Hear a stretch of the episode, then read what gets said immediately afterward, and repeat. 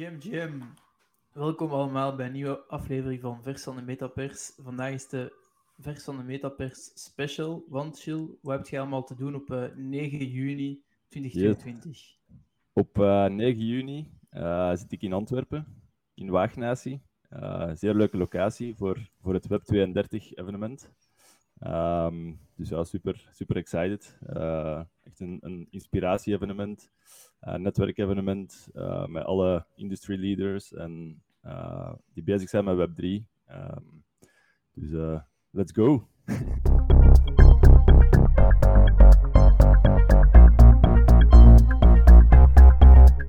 Welkom, beste luisteraar, bij onze vers van de Metapers Special Web 32, het, het uh, event hè, dat 9 juni, zoals Gilles zei, gaat, uh, gaat happenen. We zijn er niet alleen, Gilles en ik. We hebben ook een, een special guest bij ons. Dat is Pia. Pia, welkom. Pia, wie, misschien moet je voor de luisteraars even voorstellen en, um, en zeggen ook ja, wat jij met Web 32 te maken hebt en, en wat Web, Web 32 is. Zeker. mijn naam is dus Pia. Ik werk in het dagelijks leven voor uh, VOCA, Vlaams van ondernemingen. Uh, dus ik sta met één been heel erg in het uh, van Vlaanderen. En anderzijds ben ik in mijn vrije tijd vaak bezig in Web3. Dat jullie het wel kennen. En van daaruit uh, ben ik ook bezig met het organiseren van Web32, een event op 9 juni, zoals Gilles ook al zei, rond hele gegeven. Um, wat we met dat event willen doen, is de uh, ondernemers, vooral ondernemers, maar natuurlijk iedereen die geïnteresseerd is, die bezig is in de space, maar ondernemers onboorden in uh, Web3. Dus wat gaan we daar doen op het event? We gaan een uh, stuk uitleg geven over wat Web3 is, wat blockchain is, wat metaverse is, wat een NFT nu eigenlijk is. En vooral ook aantonen wat je er dan nu mee kunt. De, de basis Um, de meeste mensen hebben er ook wel eens van gehoord, maar heerst ook wel wat onduidelijkheid rond de termen. En uh, die we gaan met uh, ja, inspirerende keynotes op, op onze mainstage met best wel toffe namen. Um, beelden dat mensen ook in gesprek kunnen gaan met ehm, dagelijks met de technologie bezig zijn en daar advies over kunnen krijgen. Dat is het belangrijkste. En natuurlijk een stukje netwerking op. Mensen leren kennen. Cool. Ja, klinkt heel interessant. Notendop. Voilà, in een notendop. Want uh, Gilles, we moeten een, eh, een tipje van de sluier lichten. Wij zijn ook uh, mede-organisatoren. Um... Yes, inderdaad. en wij, wij, niet alleen, we zijn, we zijn met een grote groep. Um, wat ook heel leuk is aan, aan deze evenement, is dat het eigenlijk uh, allemaal uh, uit een community is ontstaan. Dus dat niet, niet een groot bedrijf is dat erachter zit. Um, we hebben wel onze partnerships natuurlijk, maar het is echt organisch ontstaan uh, door mensen die er, er heel gepassioneerd mee bezig zijn. Ik denk dat we ondertussen met een team van 11 zijn. Um, dus dat is, dat is echt een, een heel leuke manier van samenwerken. Um, om, om echt zo'n evenement dat toch, toch al een aanzienlijke grootte heeft, klaar te stomen. Dus super cool ja, dat we het hoe dat we het dan doen zijn. Ja, inderdaad. Het is, het is denk ik wel door allemaal Web3, uh, Web3 uh, natives -hmm. ja, allee, uh, georganiseerd. Dus dat is wel tof om zo eens een... Er zijn zowel redelijk wat misschien meer corporate events geweest over Web3, wat ook heel belangrijk en nodig is en, interessant. Maar deze, allee, Web32 gaat denk ik echt vanuit de onderbuik van, uh, van het hele Web3 gebeuren en de movement georganiseerd worden. Um, ook veel local heroes, mensen uit België, kunstenaars, um, ondernemers, um, mensen die, die eigen NFT-projecten hebben, die, die daar aanwezig gaan zijn en daar hun ervaring gaan kunnen delen. Dus ja, dat, dat wordt ook gewoon heel interessant om, om alle Belgische uh, creators en zo, die, die met Web3 en NFT's, Metaverse bezig zijn, daar te, ja. daar te ontmoeten. Gaat ook een leuke mix zijn, denk ik, van zowel ja, bedrijven, zoals je al zegt, en meer gevestigde uh, projecten die al een tijdje bezig zijn. En anderzijds ook nog wel experimentele projecten. Hè. We hebben de, de Shilling Box, waar de mensen eigenlijk zelf uh, de microfoon kunnen grijpen om hun project te pitchen. Um, anderzijds zijn er ook heel wat uh, artiesten aanwezig die hun werk tonen en laten zien hoe dat zij de sprong maken richting Web3. Dus um, exciting is het juiste woord. Ja, yes. ja zeker.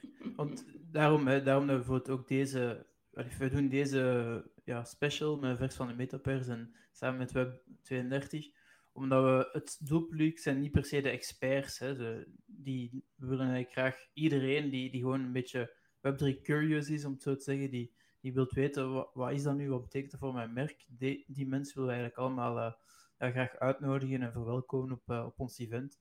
En daarom dat we deze podcast ook doen, om misschien ook nog eens even de, de ABC of crypto of uh, de ABC of Web3 een beetje ja, mee te geven aan de mensen, zodat, zodat iedereen up to speed is en, en iedereen eigenlijk de, ja, de basis weet van, van bepaalde termen. Omdat het is niet altijd, ik denk dat we dat allemaal wel hebben gemerkt, niet altijd makkelijk om, uh, ja, om eraan te beginnen hè, en, en om alles te snappen.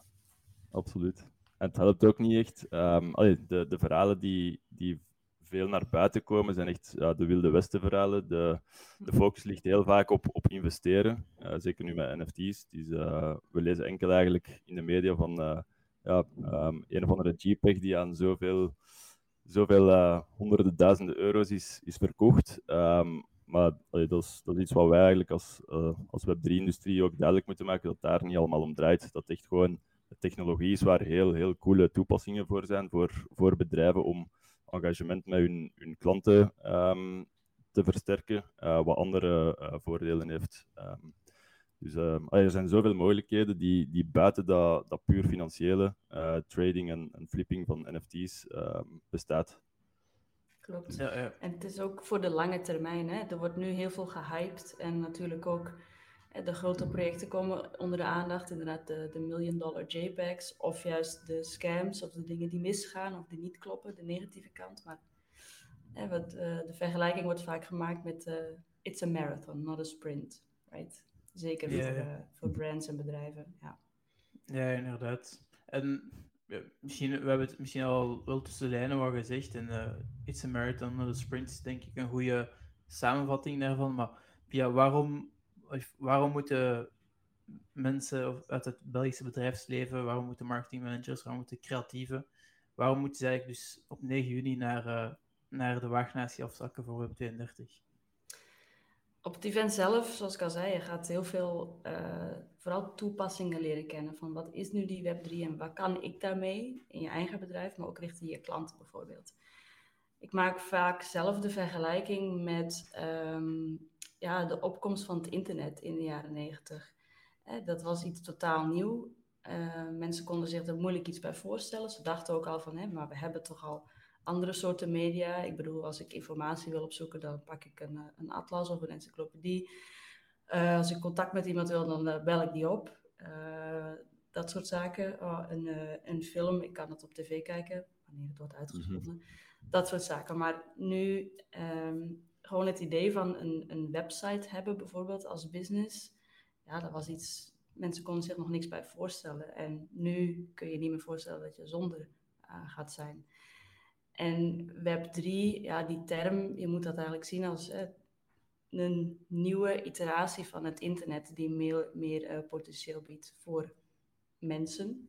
Daar komt het eigenlijk op neer, maar natuurlijk ook uh, businesses. Mm -hmm. um, en dat is wat we daar gaan, uh, gaan laten zien. Ja, ja inderdaad. De... Ja, zeg maar. ik, wou, ja, ik kan een paar voorbeeldjes geven van uh, hoe dat er dan uit kan zien. Hè.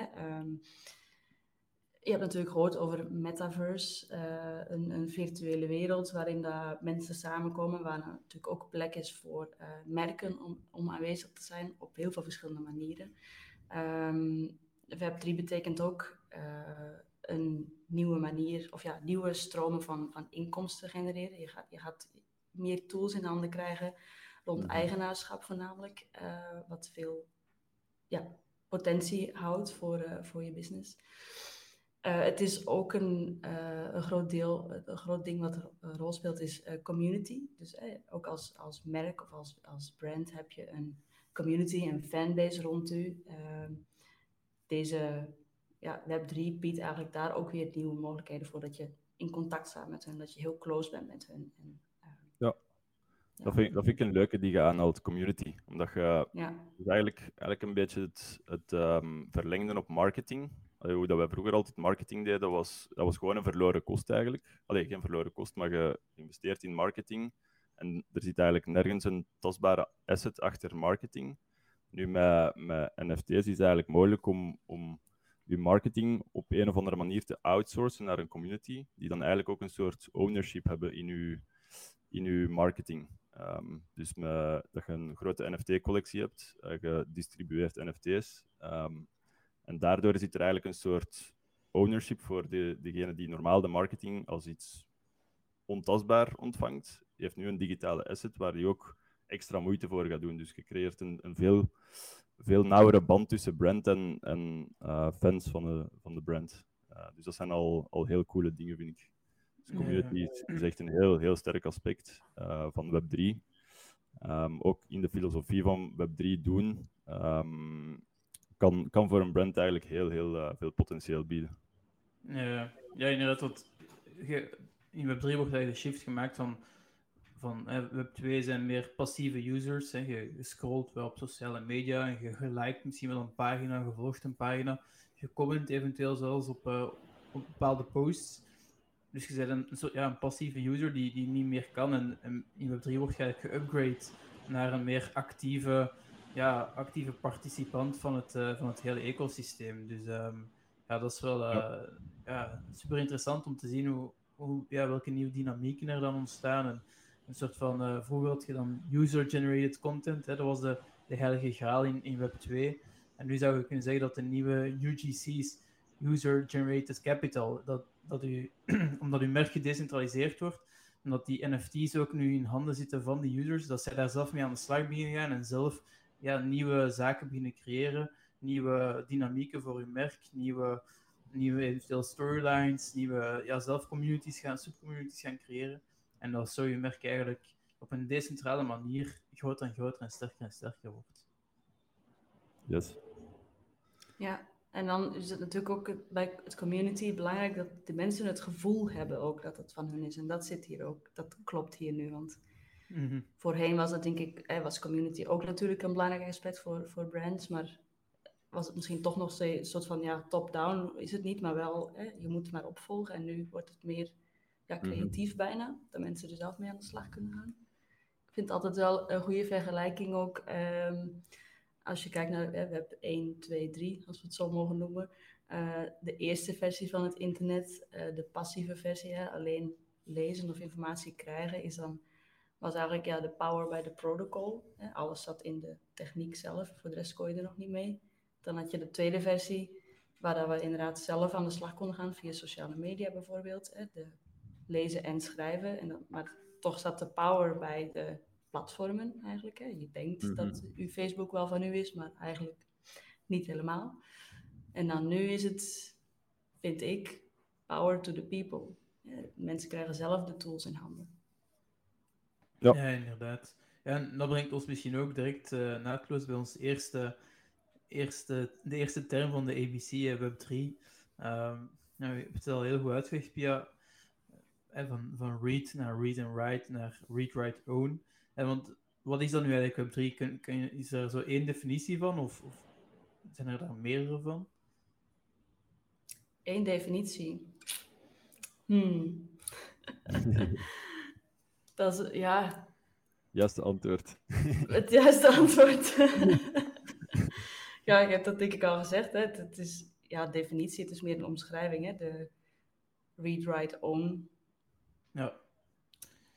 Ja, wat ik daar misschien nog aan zou toevoegen is dat dus inderdaad, de volgende iteratie van het, van het internet. We gaan van Web 2 naar Web 3. Maar het is gebouwd op um, een soort van decentrale technologie, blockchains mhm. dus. Een term die we binnenkort ook nog uh, zullen uitleggen. Waarbij ownership heel belangrijk is. Ik denk dat in Web 3, de, ja, zoals we daar al zeiden, de, de users zijn, de people zijn in, in control.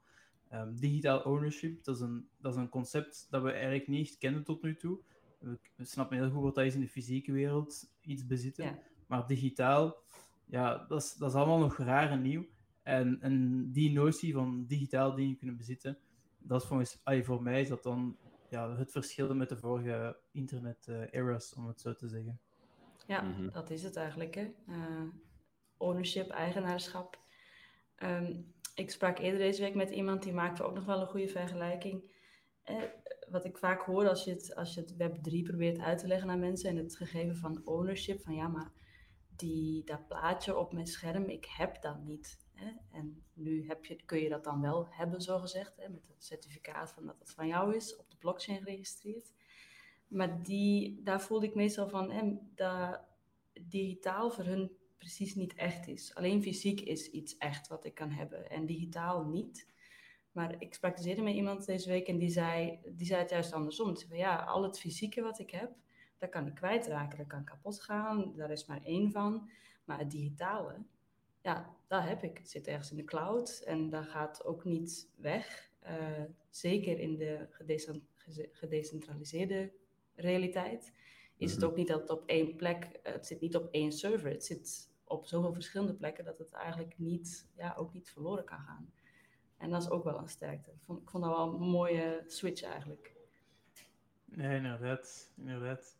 Is, uh, ja, ook de digitale wereld zal waarschijnlijk alsmaar belangrijker en belangrijker worden. Dus de, ja. de zaken die we daar opbouwen, het is belangrijk dat, dat zij voor altijd ja, kunnen bestaan. En dat kan dan hè, door, door blockchain-technologie. Dus misschien moeten we die term ook eens uitleggen. Ik weet niet, Jill, of jij de, de, de moedige poging wilt doen om, om, blockchain op een simpele manier uit te leggen? Of...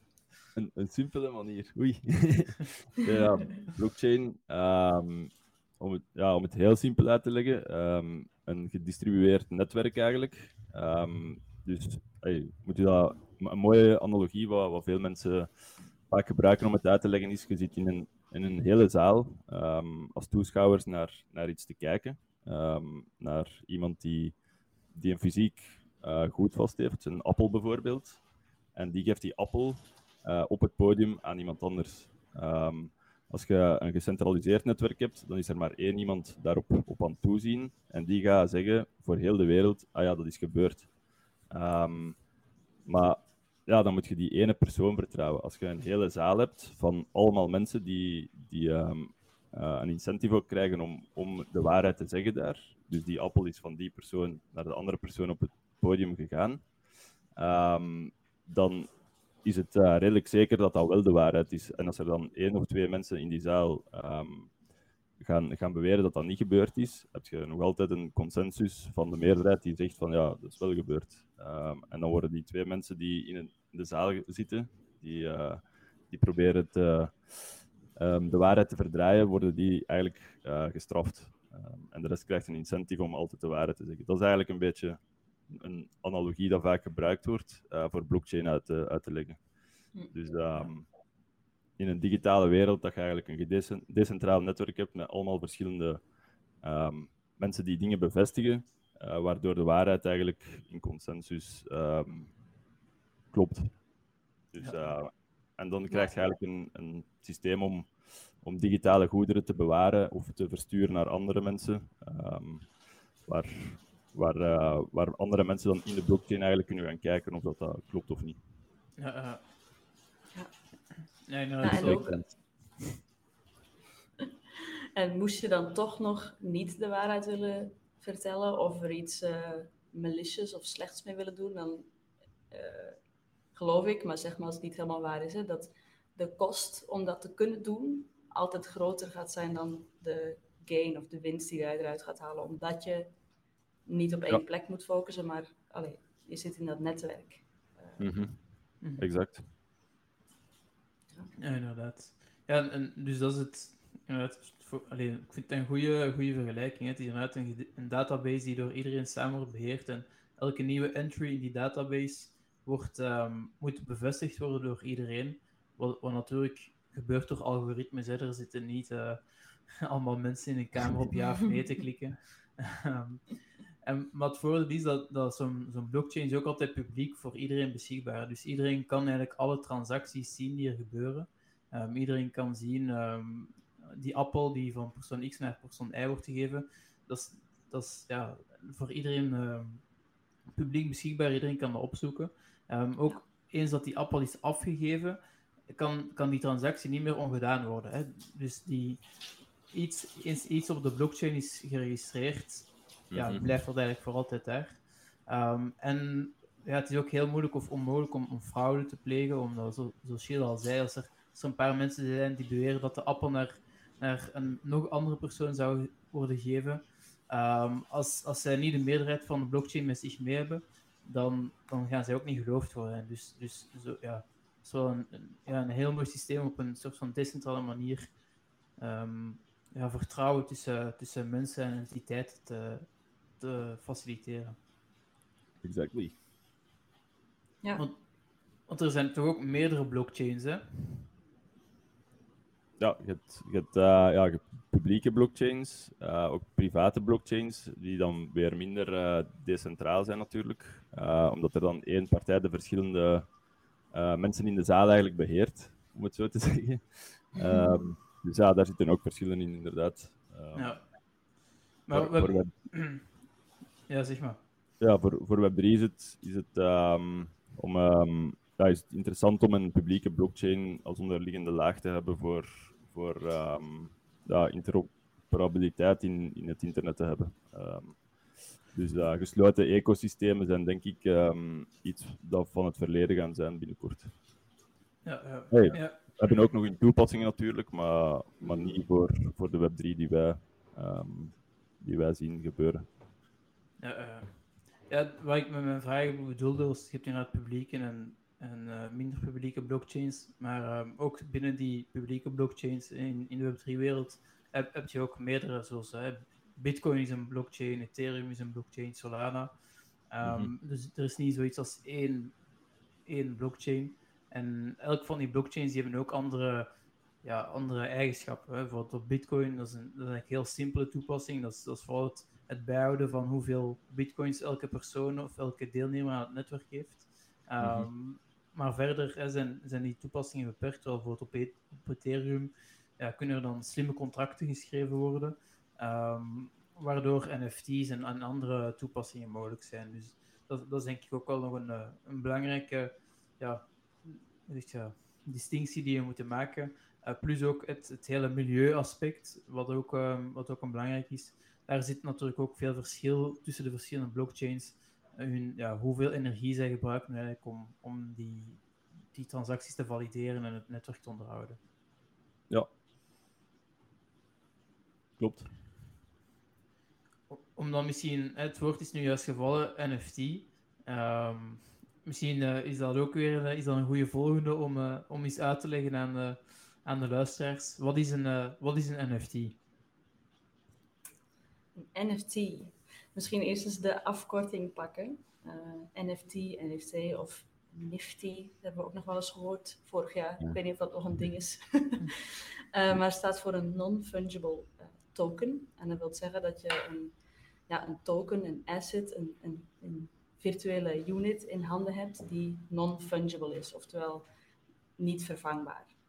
Um, er is er maar één van. En je kunt dat niet inwisselen voor iets met een gelijke waarde of iets wat daarvoor staat. Nee, dat, de NFT is de enige in zijn soort. Um, en ja, we hebben het ook al eerder gehad over dat eigenaarschap. Dat is eigenlijk een NFT. Het is een bewijs van een een, een, asset op de blockchain. Dat, dat een ding bestaat en dat dat van iemand is uh,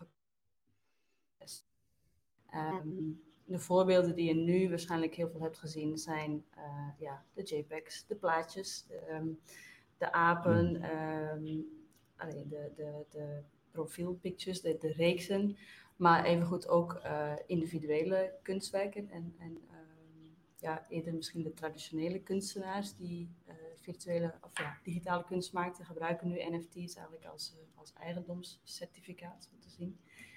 Maar dat is maar één voorbeeld, um, het, het kunstgedeelte. Um, een ander voorbeeld wat ik vaak zelf graag gebruik is, uh, denk maar aan tickets.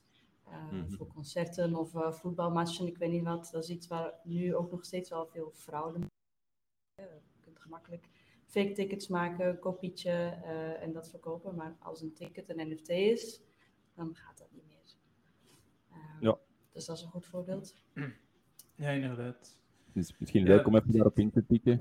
Uh, van de tickets van Web32 zullen, zal, zullen ook een NFT uh, ehm, ontvangen. Dus uh, op e-mail-based eh, gaat er een NFT toekomen, het een die NFT. Dus dat je voor altijd een bewijs hebt eigenlijk op de blockchain dat je bij die eerste editie van Web32 bent geweest. Wat ook een coole, ja. coole toepassing is van NFT's eigenlijk. Een, een soort track record opbouwen van um, um, ja, evenementen die je hebt bijgewoond. Um, uh, bepaalde meetings dat je hebt gedaan misschien. Um, diploma's zou een hele ja. mooie uh, NFT-toepassing zijn.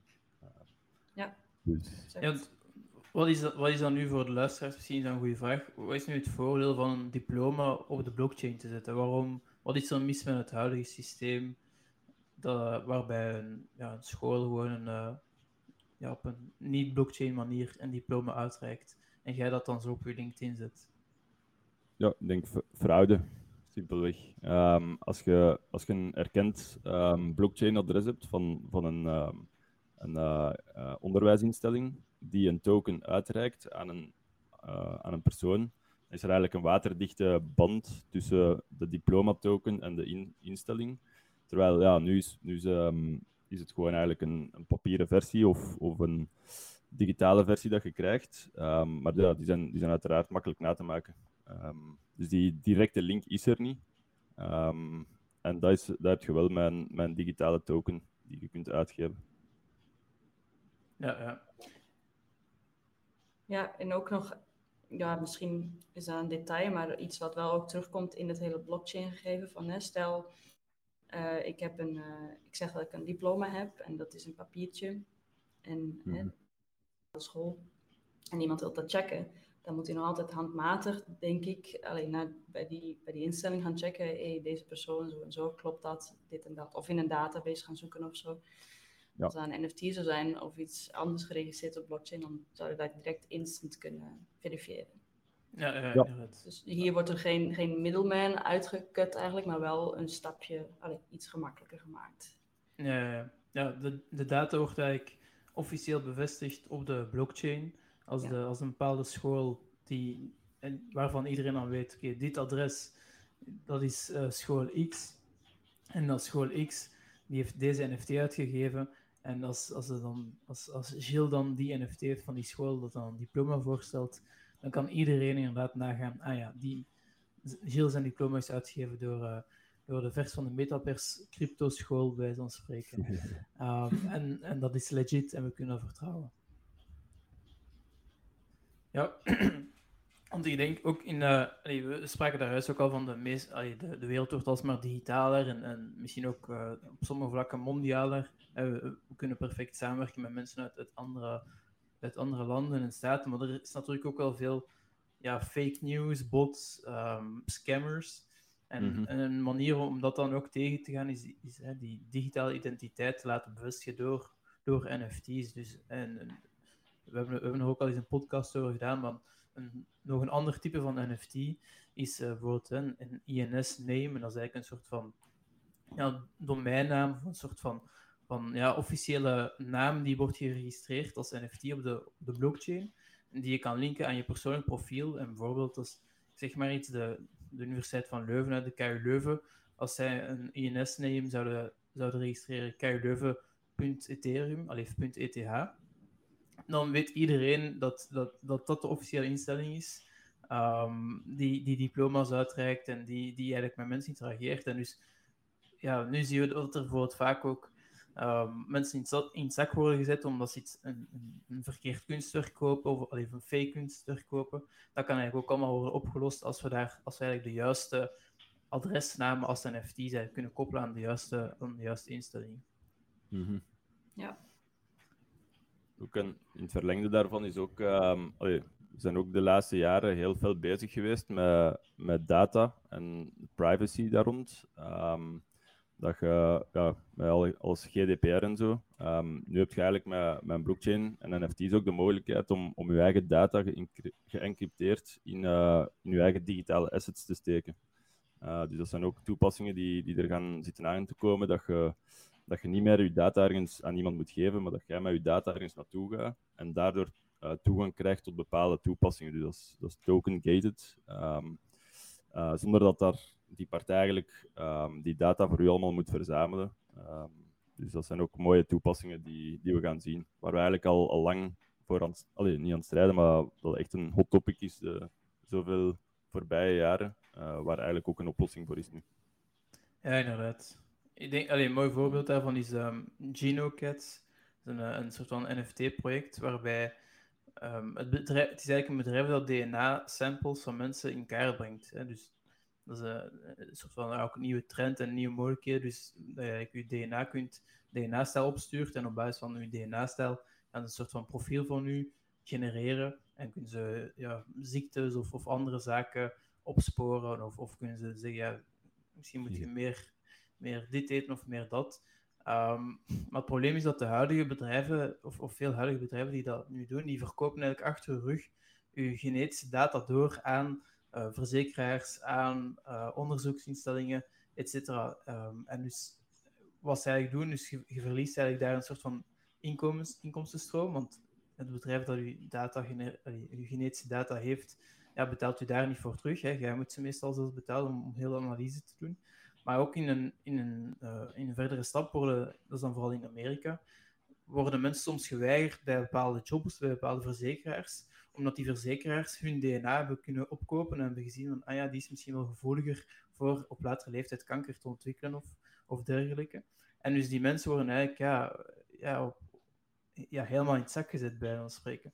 Hm. Terwijl GenoCats is een, een, een soort van is, een, is eenzelfde bedrijfje, maar zij maken dan gebruik van NFT's en blockchain-technologie, waarbij iedereen een soort van eigen, eigen persoonlijke datakluis heeft.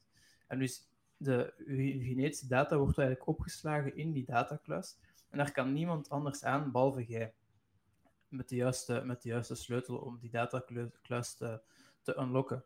En wat er eigenlijk gebeurt is, je kunt nog altijd samenwerken met onderzoeksinstellingen, met, met andere bedrijven die gebruik willen maken van je data. Ehm, maar wat je dan moet doen, is je geeft eigenlijk toestemming om in je datakluis te gaan snuffelen voor het heel specifieke stukje van, van de data die ze nodig hebben. Je wordt ervoor betaald, maar de data verlaat nooit je kluis. Zij kijken eigenlijk ja, voor een korte periode in je kluis voor de data die ze nodig hebben voor het onderzoek bijvoorbeeld, en daarna gaan ze er terug uit en kunnen ze daarna niet meer de data op andere manieren gebruiken. Ehm, en dus ja, dat is eigenlijk een heel mooie ja, toepassing van, van NFT's en de blockchain die, hè, die ver voorbij gaat aan, aan, aan de profielfoto's van, van kunst of zo. Um, maar die wel uh, ja, heel veel potentieel heeft voor de toekomst. Ja, heel sterk voorbeeld. Um, ik ben ook nog aan het denken aan um, het, uh, het bedrijf uh, eh, HB Antwerp, de Diamantair, die NFT's mhm. koppelen aan hun fysieke stenen, dus aan hun fysieke diamanten. En daarmee eigenlijk de track record uh, geven van waar dat die steen vandaan komt, vanaf het minen tot aan de, de, de geslepen steen. Mm -hmm. en dat is ook wel een, uh, ja, iets baanbrekends, vooral in die sector. Een sector die nogal gekend staat voor zijn onderzichtigheid. Um, mm -hmm. Ja, inderdaad. Dat is ook nog een heel andere. Ja, inderdaad. Ja, we hebben, dus we hebben kunst, hè, dat ook met de, de royalty die dan in smart contracts vaak uh, ja, gepaard gaat, dat kunstenaars daar ook nog later op, dat ze bij elke verkoop een commissie krijgen, wat voor kunstenaars een grote doorbraak was. We hebben dan de, de profielfoto's en, en daarbij horende communities. We hebben het, het, hele data gegeven, het digitale identiteit gegeven, het meer transparant maken van de, van de logistieke schakels. Zijn er nog um, ja, cases die, die, jullie heel interessant vinden of, uh, of toepassingen die, die we misschien nu over het hoofd zien? Ik denk, we, we hebben Metaverse nog niet echt besproken. Dus, uh, dus dan, allee, het is, hangt minder samen met, uh, met uh, allee, wat we nu net aan het zeggen waren over, over token-toepassingen.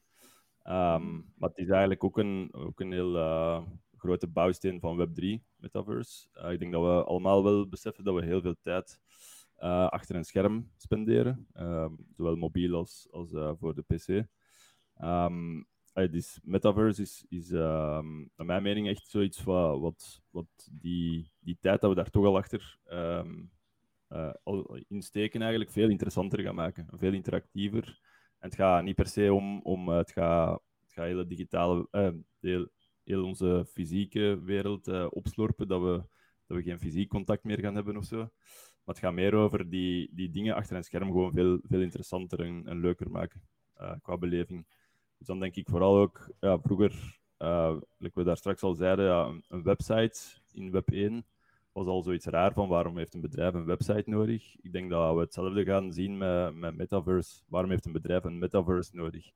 Um, in principe zou je nu zeggen ook van ja, dat is niet nodig, uh, maar het maakt het gewoon veel leuker. In plaats van in een website te gaan, uh, ga je in een metaverse. Um, als je uh, bijvoorbeeld een, een, Google Meet hebt met iemand, um, die wachttijd van vijf minuutjes vaak van, de, van een van de twee die te laat is, um, zet, daar een metaverse voor op, dat je, dat je er al in kunt lopen, dat je informatie aan de muren ziet hangen, dat je een beetje kunt rondkijken. En op het moment dat de andere persoon in de metaverse komt, weet je van oké, nu kunnen we direct in die call gaan. En heb ik mijn vijf minuutjes um, wat, wat leuker en luchtiger ingevuld in een, in een omgeving.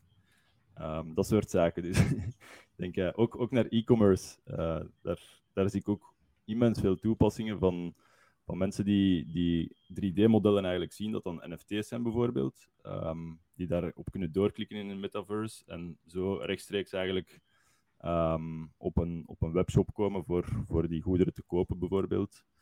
Um, het is echt gewoon een, een, nieuw, nieuwe bouwsteen die het gewoon allemaal leuker maakt, denk ik. Uh, en wij, wij, we zijn met generaties die nu uit een gaming uh, verleden kom, komen. Uh, dus we zijn daar ook al meer gewoon om, om in, in een metaverse te bestaan. want het bestaat ook al, al heel lang, maar nu maakt het gewoon met, um, met die NFT's, met, met blockchain, maakt het gewoon een extra, eh, extra cool gegeven.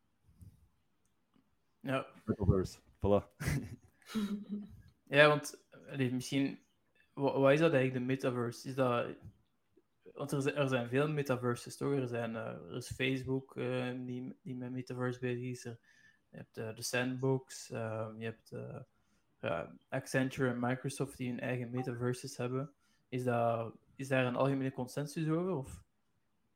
Ik denk, voor mij is de metaverse gewoon niet echt één iets of zo, maar gewoon een manier van, um, van internet, um, van het webvoeren. Um, ja, net en... als het internet, dat is ook niet ergens of zo. exactly. Ja, ja, hoe moet je dat beschrijven? Als lagen of ja, ook als netwerk, denk ik. En metaverse is inderdaad een soort van andere manier om te gaan of er letterlijk in te staan. Nu heb je een paar uh, grote die natuurlijk hun eigen space hebben, maar uh, ik denk ook is dat daar in de toekomst smooth in elkaar overloopt op een of andere manier. Er zit natuurlijk nog een hele grote operationele uitdaging aan vast, maar mm -hmm. wel zien. Ja, inderdaad. Ja, een soort van ook weer volgende versie van het internet, maar dan de, de meer visuele, interactieve versie misschien. En, ja. Um, Net als dat we ooit al geswitcht zijn van sms'en en uh, bellen uh, met alleen gehoor, dat we nu kunnen videobellen, uh, wat nu nog zo heet, of ja, videocall, whatever, maar dat gaat steeds meer ja, normaal zijn, denk ik. net als het woordje metaverse, ik weet niet of dat iets is wat gaat blijven. Het is nu hoe dat we het omschrijven, maar mm -hmm. misschien gaat dat net zijn over een aantal jaar. Ik weet het niet, hè, maar... Ja, ja. ja, want er is misschien ook een. Er, er, zijn natuurlijk verschillende visies en definities op, op, op de metaverse, maar ik denk dat zeker in de, in de Web3-wereld toch één, één ding heel hard leeft. En dat is dat er ook niet per se één metaverse is, maar dat er verschillende metaverse-werelden zijn, elk misschien met hun eigen functie, met hun eigen nut, die wel met elkaar ja, op een bepaalde manier verbonden zijn, of zoals Shield daar juist ook al zei, interoperable zijn. Hè? Dat, dat omdat de ownership zit bij u. Jij, bezit bepaalde NFT's en dus u digitaal, met uw eigen digitale identiteit ga, ga je in, in uh, misschien een metaverse die meer rond educatie gericht is kunnen inloggen om, om uw lessen te volgen. Um, en, en als je dan daarna wilt ontspannen en gamen, ga je naar een andere metaverse gaan. Um, dus, dus dat is denk ik wel zo die, uh, niet één allesomvattend platform dat u binnentrekt in een ecosysteem probeert vast te zetten, zoals we in Web2 zeggen. En wat, dat weten we natuurlijk niet, maar misschien ook wel de visies van Meta, alleen van Facebook. Hm. Um, maar ja, verschillende werelden waarin je eigenlijk ja, tussen kunt switchen naar gelang uh, je noden en, en goesting. Ja, goeie. denken jullie, waarom denken jullie dat, dat de metaverse voor, voor merken belangrijk is? Ja, Gilles heeft al goede voorbeelden aangehaald natuurlijk, hè, voor, uh, ja, voor e-commerce en retail natuurlijk, maar je kunt dat veel breder zien nog. Hè. Uh, wat jij ook zei net over het, digitale identiteit eigenlijk, hoe dat je jezelf online uh, representeert. Dat doen we nu al via profielen en profielfoto's en manier waarop dat je communiceert. Maar net als dat je ook in het echte leven wel merken koppelt aan jezelf. Of ja, koppelt aan jezelf, hoe moet je dat zeggen? Je gebruikt bepaalde merken, sommige zijn favoriet. Uh, of je doet daar iets mee, kan dat ook digitaal. Hè? Uh, mm-hmm. Dat kan dan. Uh, ja, een heel concreet voorbeeld is natuurlijk dat je ook als, als uh, zo'n virtuele identiteit iets kan dragen. iets van kleding bijvoorbeeld. dat is een ding, maar er zijn uiteraard nog meer toepassingen. Dat is heel straightforward. Mm Ja. Ja, inderdaad. En ik denk, ja, ook voor, voor merken is er misschien ook een kans om, om een soort van, ja, users, customers, um, van over heel de wereld met elkaar te verbinden. Um, ja. Maar dan specifiek per, per subcategorie of per, per specifieke interesse van, van, van die customers. En nu vaak worden wij gebonden wij zien de reclame van, uh, van uh, Unilever België, bij wijze van spreken, omdat wij in België wonen. Uh, maar misschien zou ik liever een heel getarget een community hebben rond, zeg maar, ICT Peach of zo. Um, En moet ik van alle andere boodschappen en, en interacties met, met Unilever ja, niks, meer, niks meer te maken hebben of zo. En ik denk dat, dat, dat, dat voor merken de metaverse een kans is om, om basis van ja, op, op een gedeelde manier samen met die, met die users die, die nu actief worden en participants worden, om eigenlijk rond ja, passies en, en, en heel specifieke ja, niches, ja, werelden en, en verhalen, storylines op te bouwen, in plaats van rond de geolokale grenzen waar we nu vaak uh, ons in bevinden en ja. door gebonden worden. Het ontstijgt het volledig. Hè? En uh, een, een ander voorbeeld waar ik naar moet denken is hè, virtuele concerten bijvoorbeeld. Ehm, ook iets heel moois waar daar merken zich aan kunnen koppelen of iets mee kunnen doen. Hmm. Waar je trouwens ook in de metaverse nog kei veel zottere dingen mee kunt doen. Als, als voorbeeldje van wat, hoe, wat Gilles zei van hè, die, die speelsheid in die, in die digitale omgeving. Als je wilt kun je nu rond de artiest vliegen uh, on stage uh, met de Coca-Cola pet, bij wijze van spreken. Dat is nu heel commercieel, hè? maar zulke soort dingen uh, kunnen, zijn er wel mogelijk. Ja, er zijn geen fysieke wetten meer in, nee, nee, in de metaverse. Nee. En denken jullie nu, hè, we zitten nu wel een beetje in een soort van bear market, hè, dus een bear market is een, een markt die naar beneden gaat. Um, de crypto-assets en uh, de aandelen in, in de niet-crypto-wereld in het algemeen doen het niet zo goed en krijgen klappen.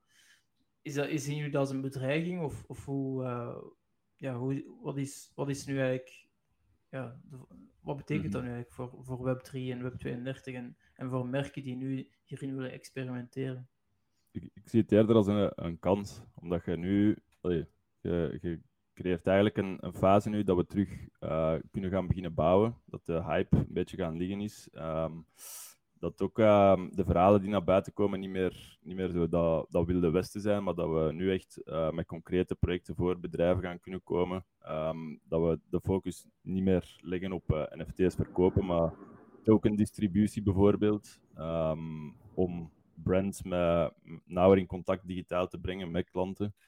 Um, er, zijn, er zijn veel mogelijkheden nu en het is, het is uh, echt gewoon een bouwfase. Uh, nu, nu gaan de, de mooiste projecten gebouwd worden en de, de winnaars uh, worden vandaag gecreëerd voor, voor merken. Dus het is zeker een moment om, om te gaan u laten inspireren als je, als je een brand bent, denk ik nu. Ja, mee eens. Het is nu, nou, stilte voor de storm zou ik het niet noemen, maar wel een luwe periode dat er ook juist loskoppelt van het hele financiële aspect. Exactly. ja. ja, inderdaad. En uh, ja, het is, misschien moeten we daarmee eindigen en uh, moeten we concluderen dat het nu de, de ideale moment is om, om aan uw marathon te beginnen. En uh, misschien is de start van de marathon wel op uh, Web32 op, op 9 juni in de Waagnatie in Antwerpen. Er, um, er zijn nog tickets, Pia, of zijn ze al uitverkocht? Zijn nog tickets, maar uh, ik zou wel ze nu gaan kopen, want het is nog maar drie weken en dan uh, staan we daar. Ja, ja. Right. Okay. Cool. ja, we kijken er al ja, heel erg naar uit. En uh, ik zou zeggen, Pia, bedankt, bedankt voor je komst. Het was, het was heel leuk. Jullie bedankt en ik zie jullie binnenkort. Yes. yes. Ciao, ciao.